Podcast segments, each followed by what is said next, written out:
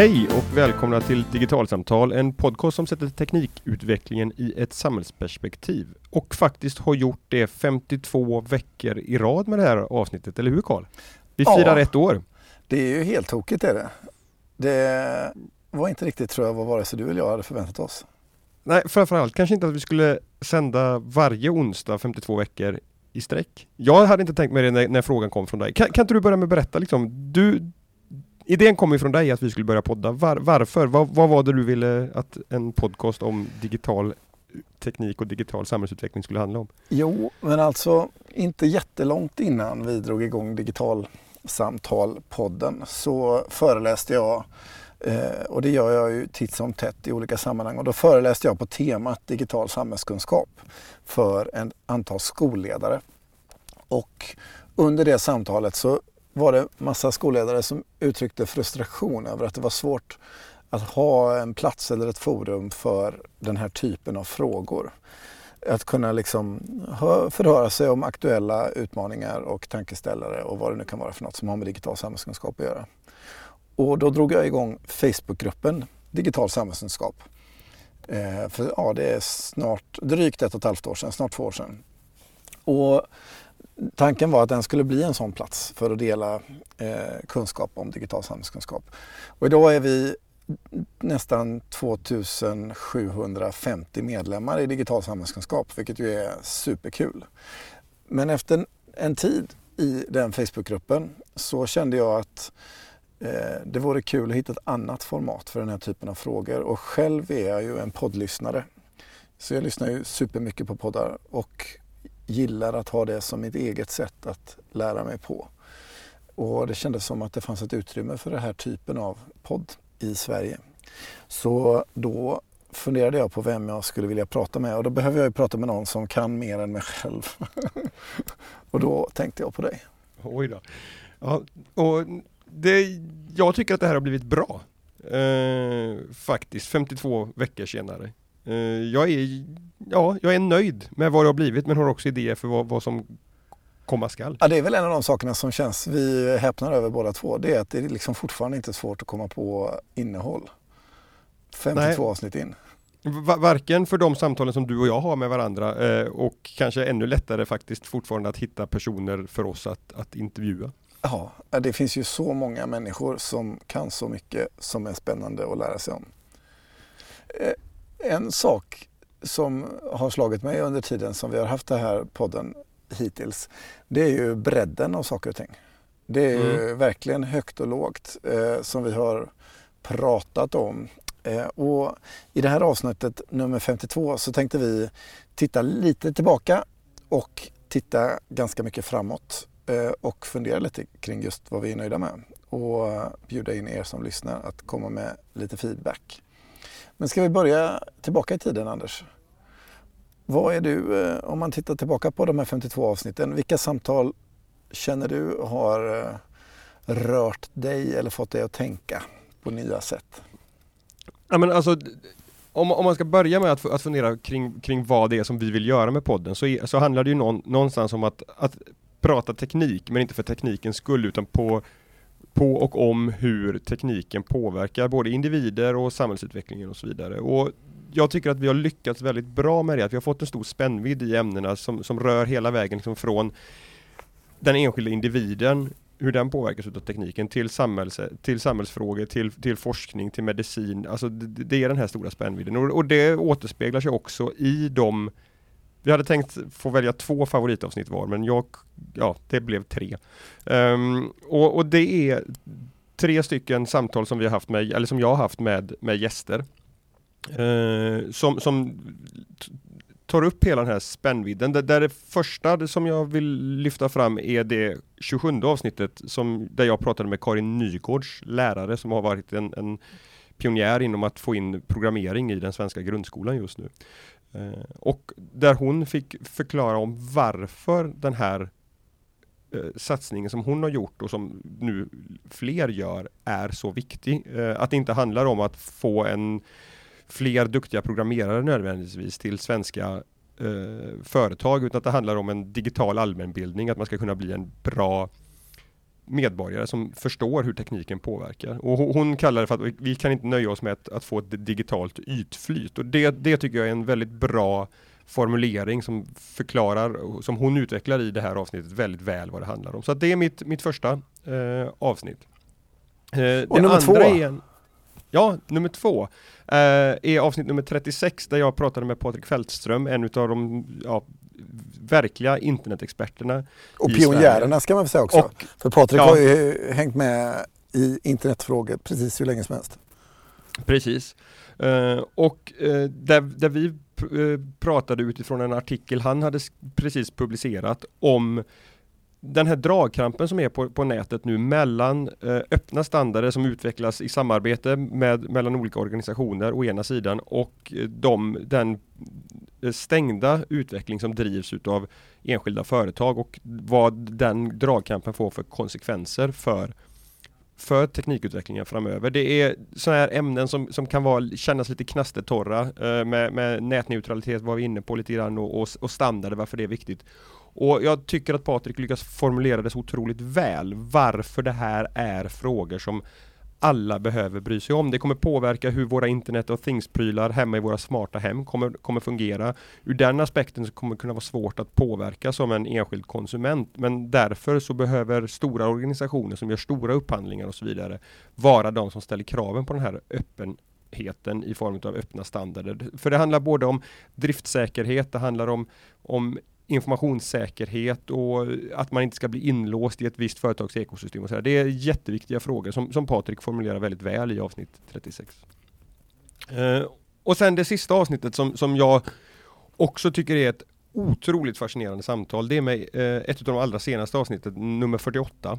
Där jag pratade med Erik Ingelsson som är professor i medicin vid Harvard i USA. Eh, som förklarar vad big data är i medicinsk forskning.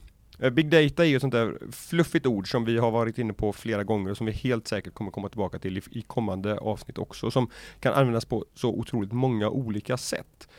Um, och det, den, den, intervjun som jag gjorde med Erik, det, det, var en, hade en ambition att sätta big data-verktygen i, i en kontext av medicinsk forskning och hur den då på sikt faktiskt kan komma oss alla till glädje i form av bättre mediciner till exempel.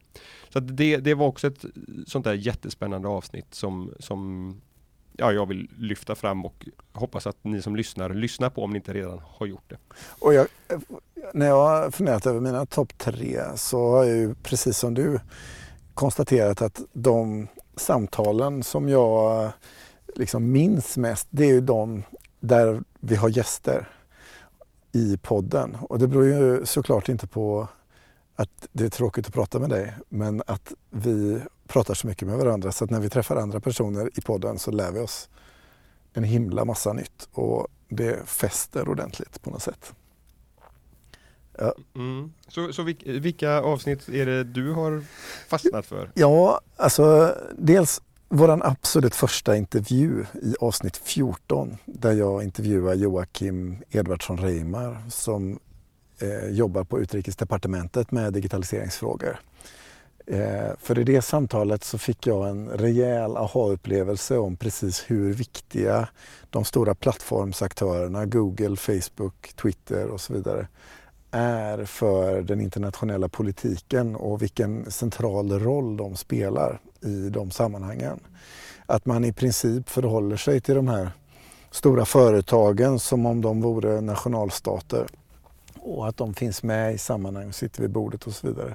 Jag vill minnas att han till och med uttrycker sig i de termerna. Just. Ja precis, han eh, var väldigt eh, liksom, klarspråkig och det fick mig verkligen att få en liksom funderare kring liksom att digitaliseringen av samhället inte bara handlar om det som är i cyberrymden på något sätt utan i allra högsta grad i liksom vem som blir bjuden till bordet och hur samtal går till och vem som äger arenan för samtal och sådär.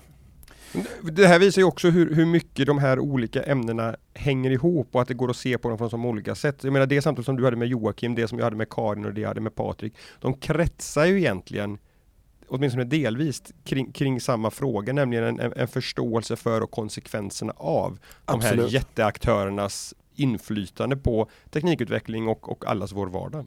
Ja, och mitt andra favoritavsnitt eh, ligger ju liksom lite i samma härad och det var samtalet med Darja Isaksson som eh, ju eh, är en eh, digitaliseringskraft i sig själv får man väl säga.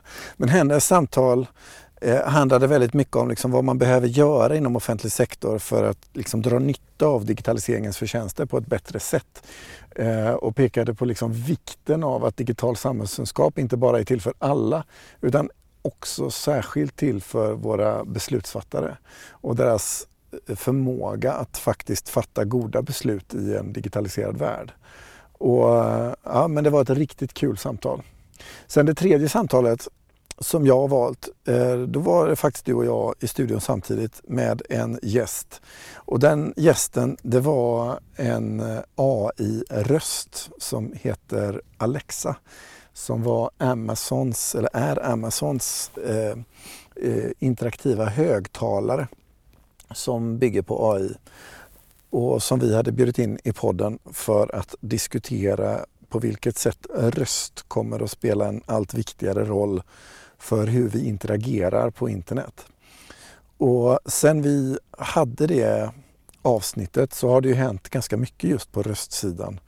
Eh, så det känns som att eh, det är inte bara vi som har gått och funderat i termer av just hur viktigt röst är för internets framtid utan det handlar om liksom interaktion med alla möjliga gränssnitt och interface och alldeles nu så har Google släppt sin eh, Google Home konkurrent till Amazon och det finns fler konkurrenter som är på väg också.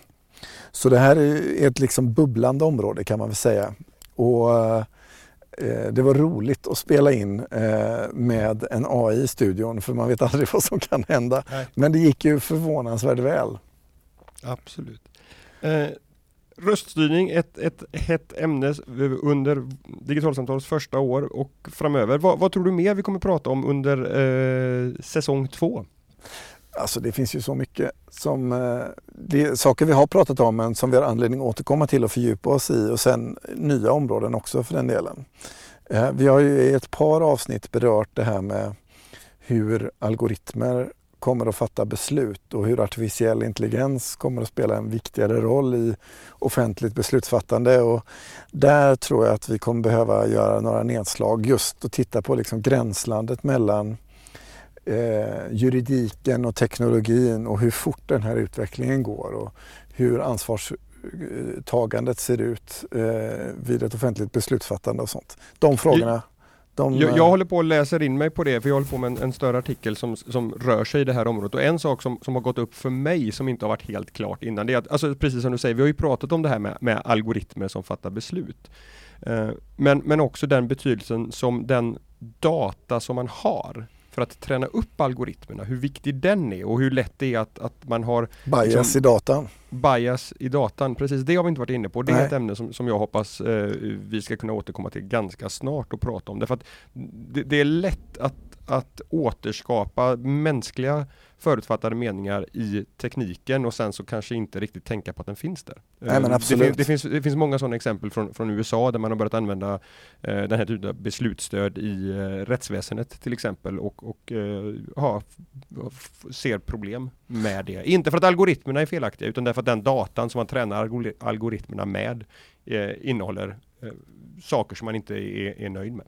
Nej men absolut. Nej, det, och, och, det för mig väl in till nästa sånt område som handlar just om liksom, utmaningar som uppstår i gränslandet mellan juridik och teknologi när vi i allt högre fart digitaliserar offentlig sektors hälsa, sjukvård, skolan och så vidare. Eh, när man ser nyttan med ny teknik men samtidigt utmaningarna i termer av juridik, rättssäkerhet, integritet och så vidare det är ett område vi nog kommer få titta vidare på också. Kanske prata med fler jurister, vem vet? Mm. Um, Personlig integritet givetvis eh, kommer fortsätta i, i många olika aspekter. Dels kopplat till, till big data givetvis och den insamling som finns eh, och pågår hela tiden om, om, om oss.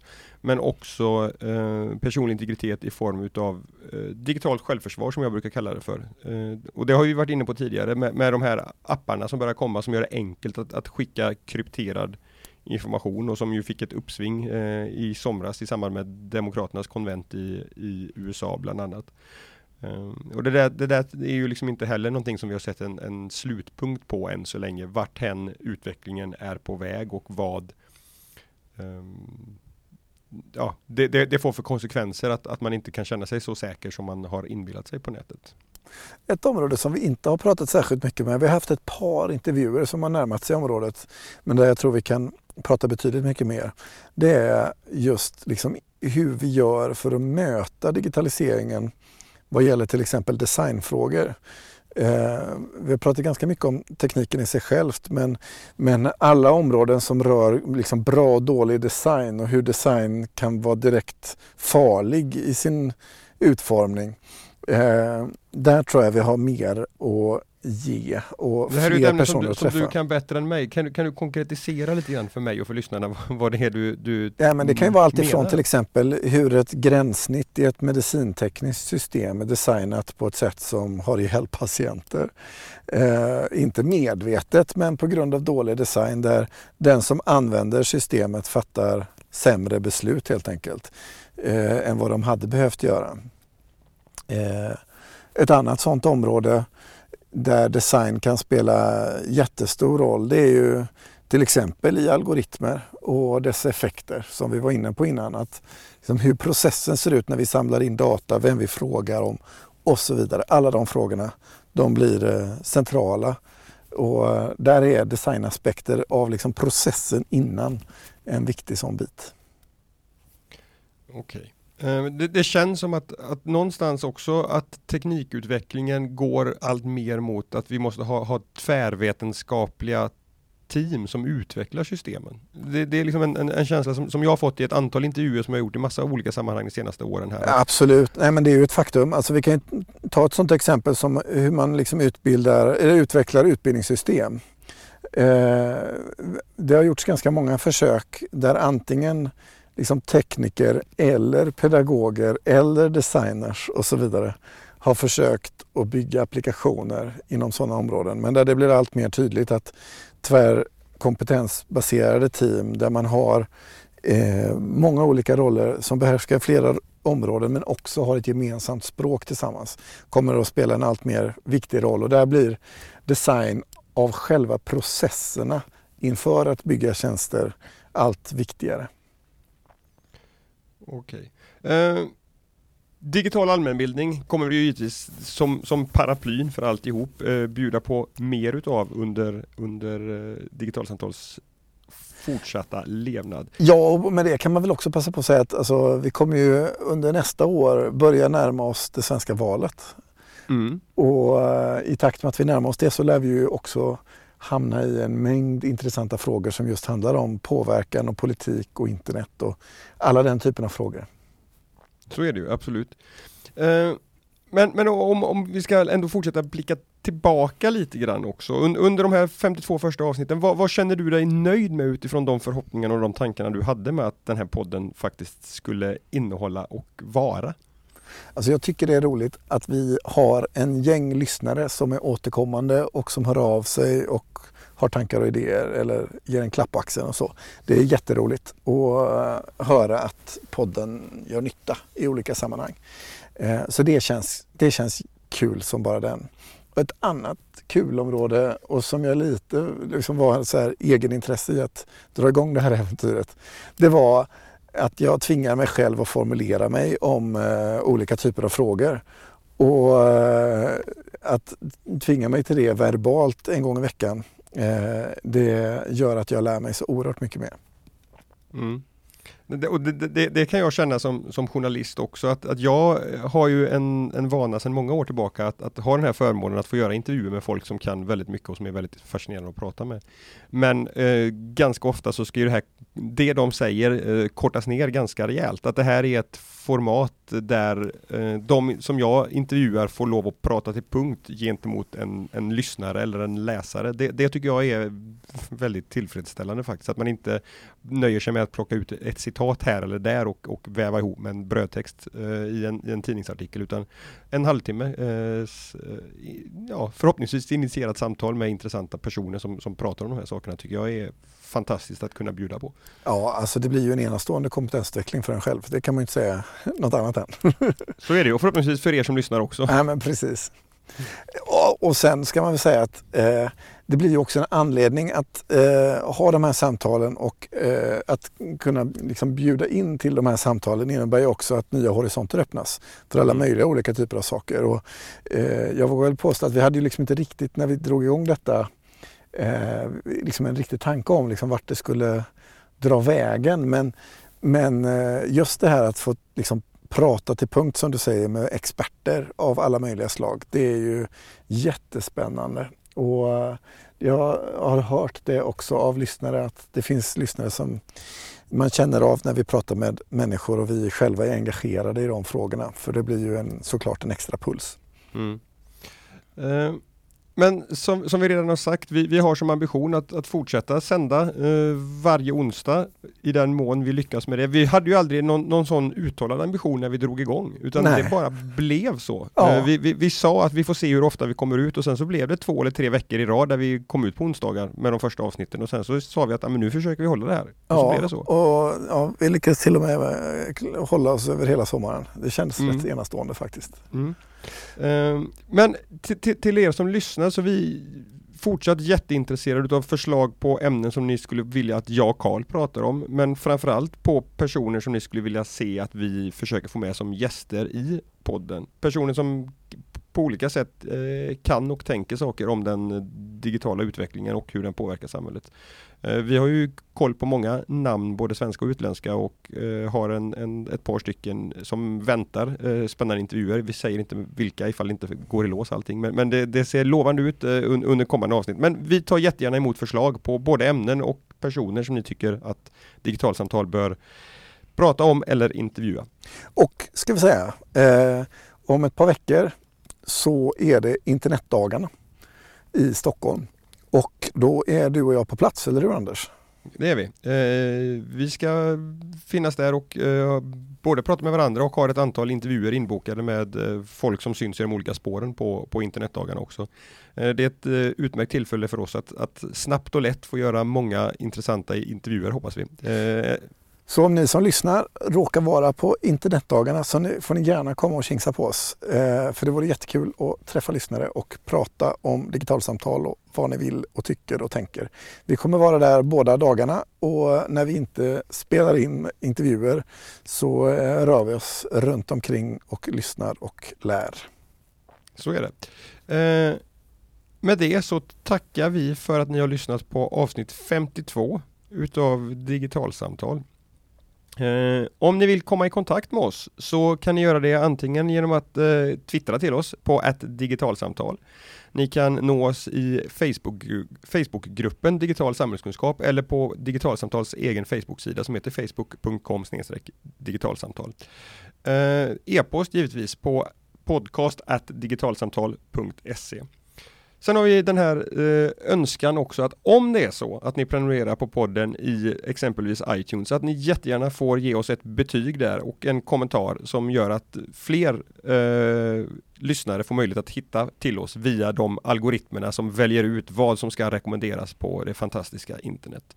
Eh, till nästa gång. Eh, nästa gång vi hörs så är det avsnitt nummer ett, årgång nummer två utav digital, digitalsamtal. Tack så länge och hej då! Hej då!